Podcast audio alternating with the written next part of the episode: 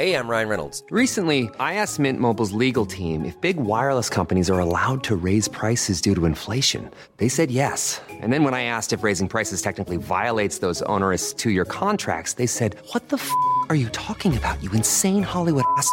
So to recap, we're cutting the price of Mint Unlimited from $30 a month to just $15 a month. Give it a try at mintmobile.com slash switch. $45 upfront for three months plus taxes and fees. Promo rate for new customers for limited time. Unlimited more than 40 gigabytes per month. Slows. Full terms at mintmobile.com. Umur 25 harusnya udah punya apa aja sih?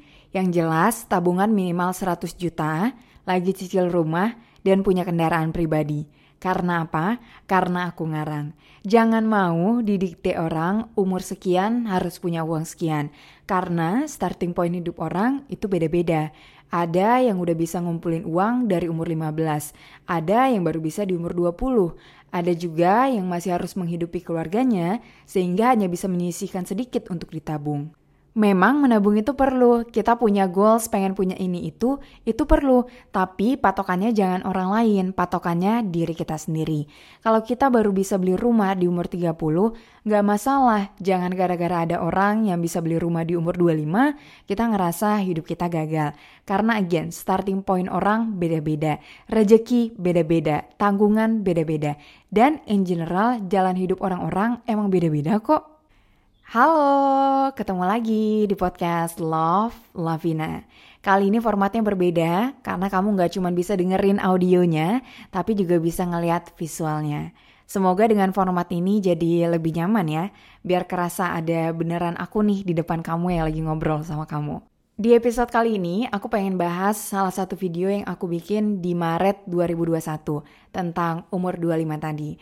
Mungkin kamu udah pernah dengar kata-kata yang aku sampaikan tadi, entah itu di videonya aku, atau video yang di remake orang lain, atau mungkin yang nyampe di kamu cuman kata-kata umur 25 harus punya uang 100 juta.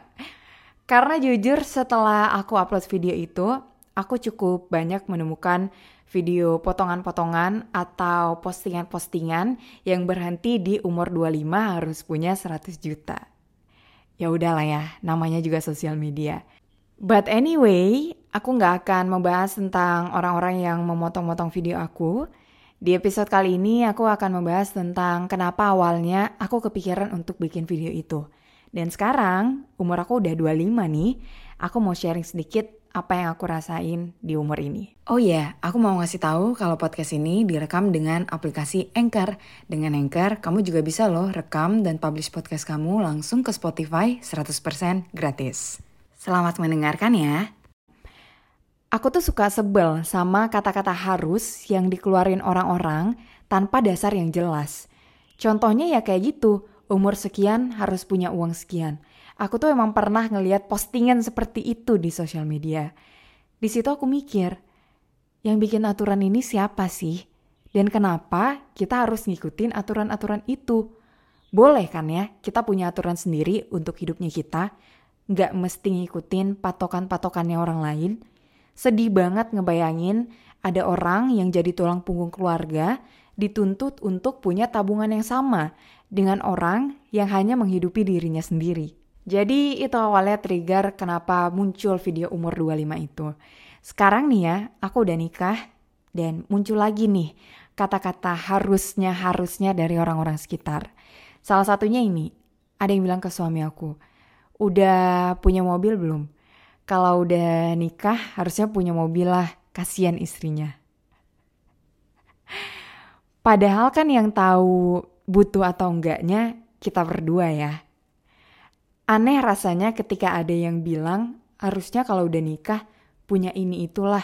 Di saat kita berdua nggak masalah, nggak punya hal itu. Karena kita berdua kan punya hitung-hitungan sendiri ya. Nggak realistis juga kalau dalam waktu singkat kita udah punya semuanya.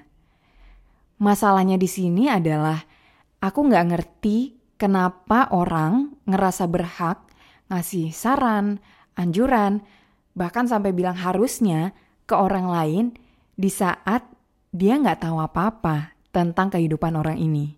Well, sekarang umur aku udah 25. Di umur 25 ini aku ngerasa bukan tabungan sekian juta yang harus aku punya.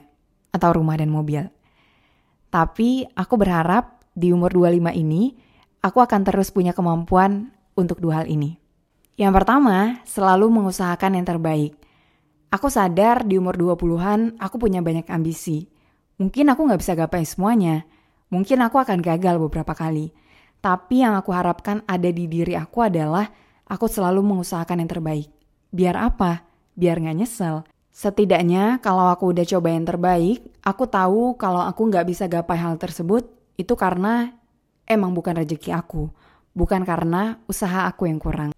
Dan yang kedua, aku berharap aku punya kemampuan untuk selalu bisa bersyukur tanpa ngeliat ke bawah. Karena bersyukur itu nggak harus dilakuin dengan cara ngeliat orang yang kurang dari kita.